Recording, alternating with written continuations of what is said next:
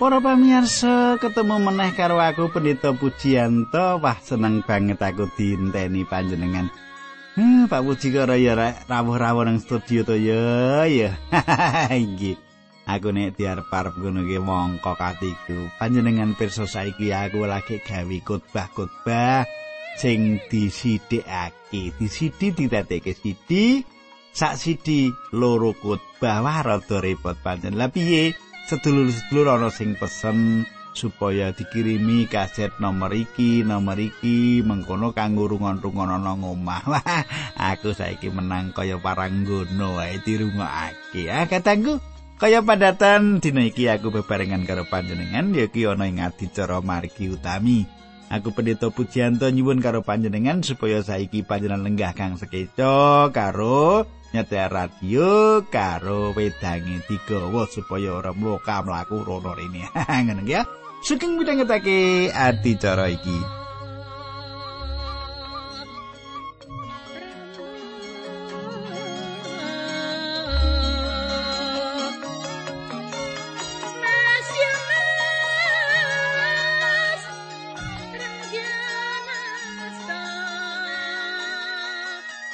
Katanggu panjenengan isi kelingan apa sing tak aturake nalika patemon kita kepungkur isi kelingan pora panjenengan? Mboten, Pak. Eh, piye kok ora iso kelingan iki piye lah?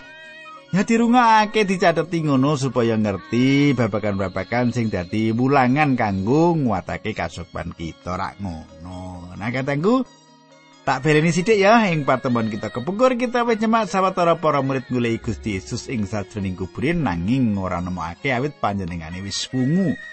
Banjur kepiye terus kita bakal nyemak ing dina iki nanging sadurunge kita terusake kita ndedonga. Dhisik ayo kita tumbungkul kita ndedonga. Duh Kanjeng Rama ing swarga ingkang kawula sambat sebuti wonten ing asmanipun Gusti Yesus Kristus. Kawula ngaturaken kuing panuwun menawi wekdal menika kawula saged tetunggilan kawula saged sesarengan sedherek kawula midhangetaken sabda pangandikan paduka kanthi urut supados kanthi mangkaten nambahi kawruh rohaninipun para sarekat kawula menika. Dinambaran asmanipun Gusti Yesus Kristus kawula netunggal haleluya. Amin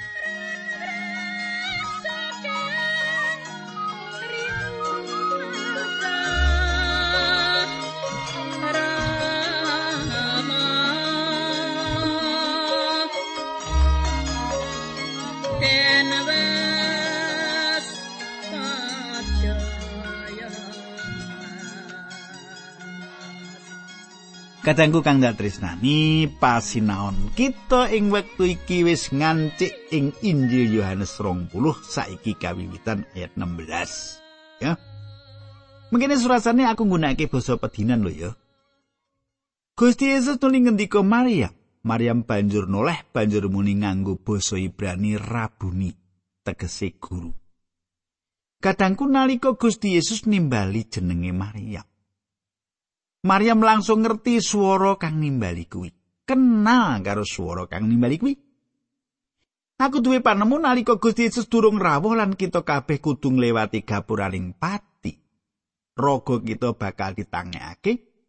Nalika panjenengan nimbali nganggo jeneng kita ing titi mangsane mengko, dikaya panjenengan nimbali jenenge wong-wong kang ditangekake dening panjenengane saka pati 2000 taun kepungkur. Pujian to aku ngerti iki Gusti Yesus. Ayat 17. Gusti Yesus ngendika, "Aja ngepok aku. Awit aku durung sowan marang ramaku. Lunga nemoni sedulur-dulurku kandhanono aku arep sumengko sowan marang ngarsane ramaku, iya ramamu ing ngarsane Gustiku lan iya Gustimu." Katanggu kang ditresnani Gusti, Gusti Yesus ora ngeparengake yen nganti Maryam ngepok panjenengane. Tembung gepok yaiku nek basa Yunani ini eaptomai kang dijarwake nyekel. Ing dina candhae Gusti Yesus malah dawuh supaya para murid cekelan panjenengane. Apa bedane? Gusti Yesus ngendika marang Maryam, "Awit aku durung sowan marang Sang Rama." Ya iku kang dadi celerane nganti Maryam ora dikeparengake ngepok panjenengane. Dadi cetha yen Gusti Yesus mingrat marang Sang Allah Rama lan rae andadake tutup paukuman dadi tutup karukunan kaya kang kita lakoni saiki. Rah kang disokake kanggo dosa panjenengan lan aku.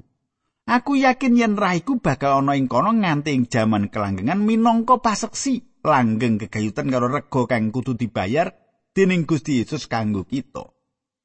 Gusti Yesus meratelake sesebutan kang banget dening mligi gegayutan karo Gusti Allah.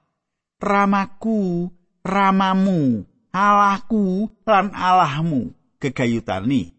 Gusti Yesus karo Sang Rama beda karo gegayutan kita karo panjenengane. kita dadi putra-putrani Allah lumantar iman ing sadroning Gusti Yesus Kristus sawetara Sang Kristus yaiku gegelitane Tritunggal Putra Allah kang langgeng. Cetha ya.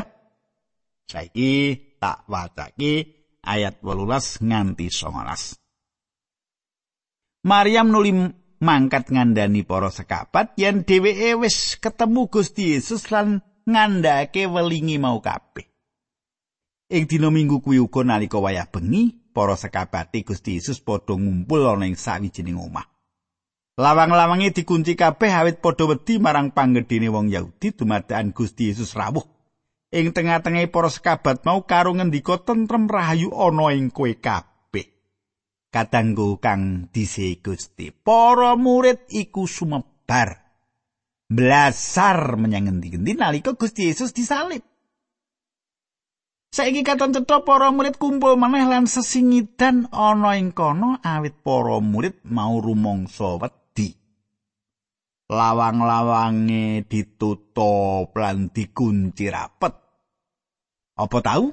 Panjenengan ngatekake yen nalika panjenengan kalimputan kang ora bisa dicethakake secara nalar marang kang alami mula pawarta kang bakal dilantarake tansah tentrem rahayu utawa aja wedi.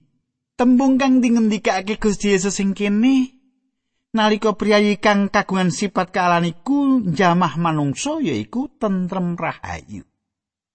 Tentrem rahayu iki yaiku tentrem kang tekane awet saka kabenerake awet iman. Lumantar Gusti Yesus Kristus kang paring tentrem rahayu marang Allah. Ing kene panjenengan nyemak wong-wong wanuh Gusti Allah nalika wong-wong mau ndeleng panjenengani. Para murid mau wis mesti wae duwe rasa wedi. Gusti Yesus ngatingalake saryane ana ing sadurung badan kamulyan lan mlebu ing sadurung omah sinadyan lawange dikunci. Kita nyemak ing kene yen badan kang dimulyakake ora teluk marang hukum alam kang awujud. Ya iki sebabe aku yakin nalika kita diangkat lan badan kita salin, ora ana masalah babar pisan kanggo kita ketemu karo Gusti ngawang-awang. Saiki ayat 20, sawise ngendika mengkono nuli nedahake astane lan lambungi, bareng weruh Gusti Yesus para sekabat mau padha bungah banget. Panjenengan kateake. Sinadyan Gusti Yesus ngagem badan kamulyan, tetep ana tilas tatu kena paku. Tilas tatu kena paku lan uga tilas disuduk ing padarani. Kang perlu dikatekke yaiku kang padha antarane badan kuwi karo badan kang gumantung ing kayu salib kuwi. Ana tilas tatu ing kono. Aku ora kandha yen bakal ana uga tilas tatu ing badan kamulyan kita. Aku rasa badane Gusti duwe tilas tatu awet tatu kuwi ditanggung panjenengane kanggo kita. Panjenengane dadi kenawa tatu awet kita supaya panjenengan lan aku bisa dadi korban kang ora ana cacate ing ngarsane Gusti. panjenengane nanggung sekabeh dosa kita lan iki bakal dadi bukti panggenepane ing saksuwene kelanggengan.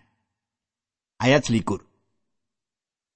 Gusti Yesus nuli ngendika sepisan maneh marang para sekabat mau, tentrem rahayu ana ing kowe kabeh kaya dening nggonku diutus dening Sang Rama, mengkono aku ngutus kowe. Kadangku, aku yakin yen Gusti Yesus ora mung baleni apa kang wis dingendikake, Manut aku, panjenengane lagi ngendikan gegayutan tentrem rahayu kang liya. Ing sajroning ayat 19 Gusti Yesus ngendika gegayutan karo tentrem rahayu, panebusan tentrem karo Gusti Allah, panebusan wis dikanepi yaiku rukun kang dicethake ing Matius 11 ayat 22 padha mreneo. Kowe sing padha saya mergo mikul abot kowe bakal ndak parengake ngasuk.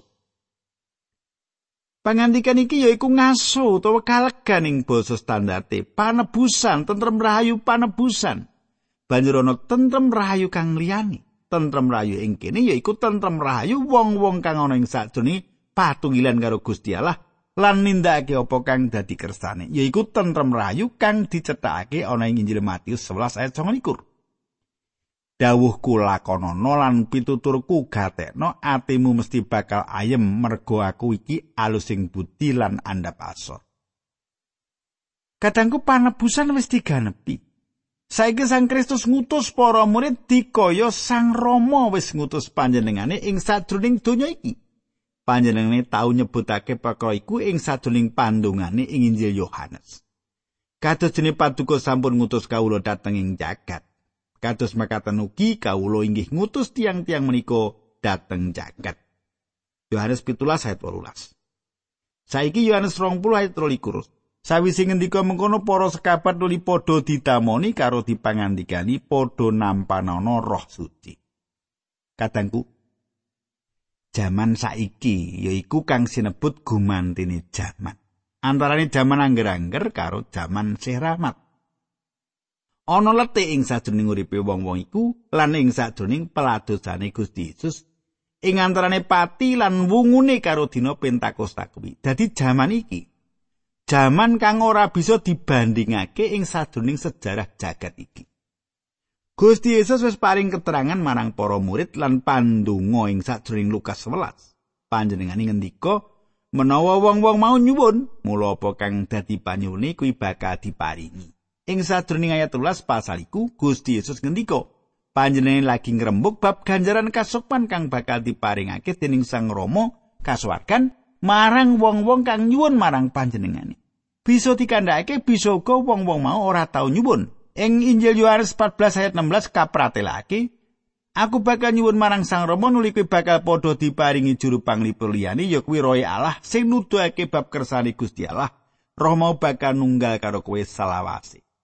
Kadangku secara pribadi aku yakin nalika Gusti nyebul ndamoni para murid lan ngendika tamparan Sang Roh Suci para murid iku dilairake meneh. Sadurunge kuwi para murid ora ditunggali Sang Roh Suci. Katangku, tembung didamoni ditulis mung sepisan ing sadurunge perangan liya ing kitab suci. Ing sadurunge perwaning dumadi Gusti Allah nyebul Adam kanthi napas kauripan. Manut aku, Gusti Yesus Kristus ing kene maringi urip langgeng kanthi maringi Sang Roh Allah marang para murid iki. Sang Roh Suci iki bakal ngerso lan betengi para murid ing jamane antarane anggone Gusti Yesus mingkret lan rawi Sang Roh Suci ing dina Pentakosta. Ing dina Pentakosta Sang Roh Suci bakal rawuh lan para murid kabeh bakal dibaptis nganggo Sang Roh Suci ing sajroning badane Sang Kristus. Uga para murid bakal diisi kanthi panguwasa kang saka ngaluhur. Gereja bakal wiwit ana ing dina iki wiwit wektu kuwi nganti saiki Sang Roh Suci ana ing jagat iki. Panjenengane manunggal ing sajroning wong-wong pracaya lan panjenengane mbaptisi kabeh wong pracaya ing sajroning badane Sang Kristus. Saiki diterusake ayat 23 Menawa kowe ngapura dosane wong dosa mau uga diapura dening Gusti Allah Lan menawa kowe netepake dosane wong, dosa kuwi uga ditetepake dening Gusti Allah.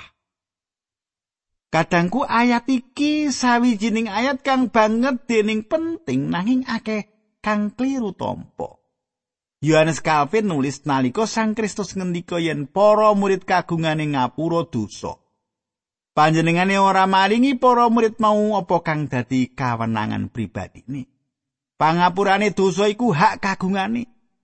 Panjenengane mung nyangkutake para murid ing sadurunge asmane kanggo martakake gegayutan karo pangapurane dosa.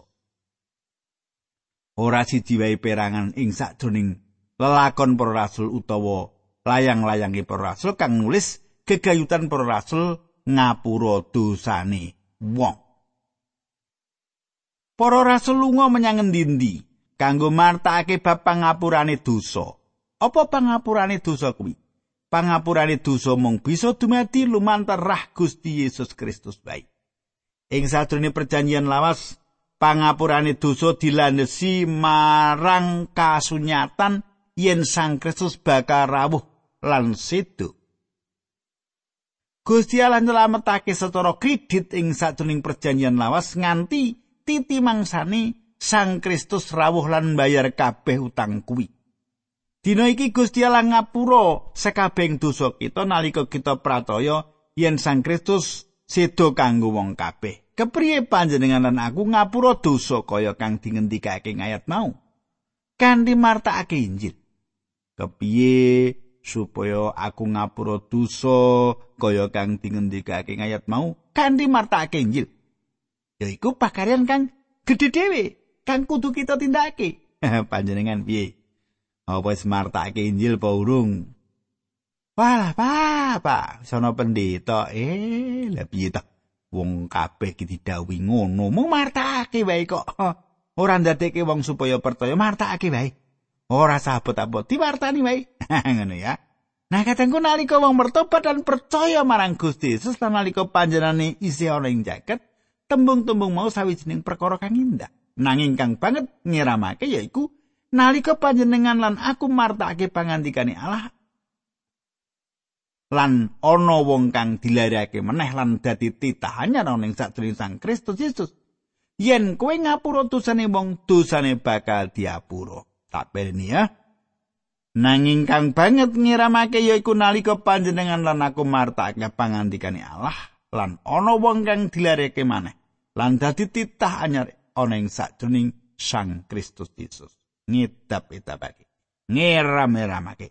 Yen kowe ngapura dosane wong, dosane bakal diapura. Bakal dumati nalika panjenengan lan aku martakake Injil sih rahmati Allah. Yaiku hak istimewa kang paling gedhe kang ana ing jaman iki. Kadangku kita duwe tanggung jawab. Menawa kita ora martakake Injil marang donya, dosa-dosa donya bakal tetep ana. Aku rasa yen kita lagi numpukake paukuman suwene mataun-taun awit kita ora nggawa Injil iki marang donya. Awit kita nyepelekake tanggung jawab kita. Anak-anak kita mati ing sadroning peperangan. Kita duwe siji perkara kang bisa nggawa pangapuraning dosa marang donya. Ora ana liya yaiku Injil Sang Kristus. Kadangku, apa kang panjenengan tindakake saiki? Apa? Wadah, Pak, kula ingkang kula tindakake. Golek pangan. gitu. Golek pangan kabeh wong golek pangan. Nyambut damel Pak, nyambut gawe kabeh nyambut gawe. Iki lho. Perkara ana gegayutane Injil iki kepiye? Apa panjenengan nindakake apa iki? Apa panjenengan martake kabar kabungan iki marang wong-wong ora iki nak? Saiki ayat Thomas sing uga katelah didimus wong kembar kuwi panunggalane sekabat rolas. Nalika Gusti Yesus ngetinggal marang para sekabat, Thomas ora melu ngumpul. Katangku, aku mung bisa ngira-ira. Bae alasan kenapa Thomas ora ana ing kono. Aku rasa dheweke wong kang seneng dhewean lan gampang mangu-mangu. Thomas kuwi gampang mangu-mangu. Dewe agawe kanan dadi remeng-remeng menyang endi wae dhewe lunga. Aku yakin yen 10 murid-murid Gusti Yesus ngrembug kanthi semangat kekaitan Gusti Yesus kang mungu saka situ nanging Thomas tetep bae ora bisa mangerti. Ayat selawi. Mulane para sekabar liyane nuli kondo marang Thomas aku wis padha ndeleng Gusti. Nanging Thomas mangkuli yen aku durung ndeleng tilasing paku ing astane lan durung demek tatu sing ana ing astane mau nganggo drijiku dhewe sarta durung ngrayang lambungi nganggo tanganku aku durung ngandel. Katengku panjenengan semak kaya ngopo Thomas kebak rasa mangu-mangu? Dheweke duwe bukti kang cukup kanggo dadi percaya nanging dheweke tetep ora percaya Nanging paling ora saiki dheweke dadi siji bebarengan karo para murid liyane. Menawa panjenengan kersa tuwuh ing sakjroning sih rahmat, panjenengan kudu rawuh lan kumpul bebarengan karo wong-wong suci lan tuwuh bebarengan karo wong-wong suci mau. Aku yakin yen panjenengan kudu ngedum apa kang panjenengan sinau saka pangandikane Allah. Ibrani 10 ayat 20 nulis mengkini. Aja padha ninggal pakulinan kita ngumpul bebarengan ing kumpulan ibadah kaya sing ditindakake dening sedulur-dulur sawetara. Malah ayo padha eling-elingake awit kita padha weruh yen dinane Gusti ya dina rawi sing kapindho wis cedhak. Kadangku kita kumpul bebarengan supaya kita bisa tuwuh bebarengan. Saiki ayat 6 nganti 17. Wolung dina sawise kuwi para sekabate Gusti Yesus padha ngumpul maneh ing omah mau. Thomas uga ana lawange kabeh padha dikunceni nanging Gusti Yesus mlebet lan jumeneng ana ing tengah-tengahe para sekabat mau karo ngendika. Tentrem rahayu ana ing kowe kabeh. Gusti Yesus nuli ngendika marang Thomas, "Delengen tanganku. Endi drijimu sing arep kok nggo ndemek tatu ing tanganku? Endi tanganmu grayang ana lambungku kowe aja mangu-mangu nanging percaya wae." Ayat 21 Thomas nuli marang Gusti Yesus, "Gusti kawula, Allah kawula." Kadangku tulisan iki ora menehi keterangan marang kita apa Thomas pancen tenan-tenan ngrayangi Gusti Yesus. Thomas ora nindakake mengkono, aku kenal wong-wong ing jaman saiki kang kondo menawa aku wis ndeleng panjenengani, wis ngrayangi panjenengani, lagi aku bakal dadi percaya. Masalah itu tuh masalah kurangi bukti kegayutan karo sedolan wungune iku. Masalah yaiku ana ing atine menungso. Gusti Allah bakal paring jawaban kegayutan karo anggone mangu, mangu kan ditulus sing atine manungsa. Nanging aku yakin panjenengan orang ngurusi babakan anggone mangu-mangu wong kang ora tulus. Akeh wong kang kondo yen dheweke ora percaya marang kitab suci. Wong mau kondo yen masalah kegayutan karo kang ana sambung rapete karo intelektual, kelaltipan pikiran. Katengku manut aku akeh, akeh wong ora gelem percaya marang kitab suci awit masalah moral. Wong tau kondo marang aku yen dhewe ora bisa percaya marang perjanjian lawas. Banjur aku lagi ngerti yen dhewe urip ana ing sadurunge laku Cina. Perjanjian lawas meratelake aja laku Cina pangantasan 20 14. Wong mau ora gelem percaya marang perjanjian lawas. Nanging aku yakin yen Gusti Allah bakal tansah paring jawaban marang wong kang mangu-mangu kanthi ati kang tulus. Panjenengan ora bakal nemake paseksi kang luwih luhur kekayutan Gusti Yesus ketimbang karo apa kang diseksekake Thomas. Iki sawijining kesaksian kang ngidapi-dapi ing sajroning kitab suci. Kanggone wong Yahudi kondo, Gusti kawulo Allah kawulo. Sawijining pengakon kang dhuwur dhewe lan pengakon iku metu saka lambene wong kang gampang mangu-mangu yaiku Thomas. Ayat 29. Gusti Yesus banjur ngendika marang Thomas, "Apa nggonmu percaya kuwi mergo kowe wis ndeleng aku? Bejo wong sing padha percaya senadyan ora ndeleng aku." Kadangku ana berkah mligi kanggo kita dina iki kang percaya marang bukti sedo lan wungune Gusti Yesus. Ayat 30 nganti 31. Isi akeh mujizat-mujizat sing ditindakake dening Gusti Yesus ning ngarepe para sekabat sing ora kasebut ing kitab suci iki. Oleh ditulis ana ing kitab suci iki supaya kowe padha percaya Gusti Yesus kuwi Sang Kristus putrane Allah. lan supaya srana percayamu kuwi kowe padha urip merga saka pangwasane. Kadangku, ya iki kunci marang Injil. Gusti nindakake akeh prakara kang ora cacat. Panjenengane nyarasake wong akeh. Aku yakin yen Yohanes uga duwe karep ngandhake yen panjenengane nindakake akeh perkara kang liya sawise wungune kang ora ditulis. Yohanes milih kanthi teliti apa kang kudu ditulis sing Injili. dheweke milih bahan-bahan kang ditulis kanthi tujuan kang gumathok. Yohanes ora lagi mbudidaya nulis sejarah sugenge Gusti Yesus.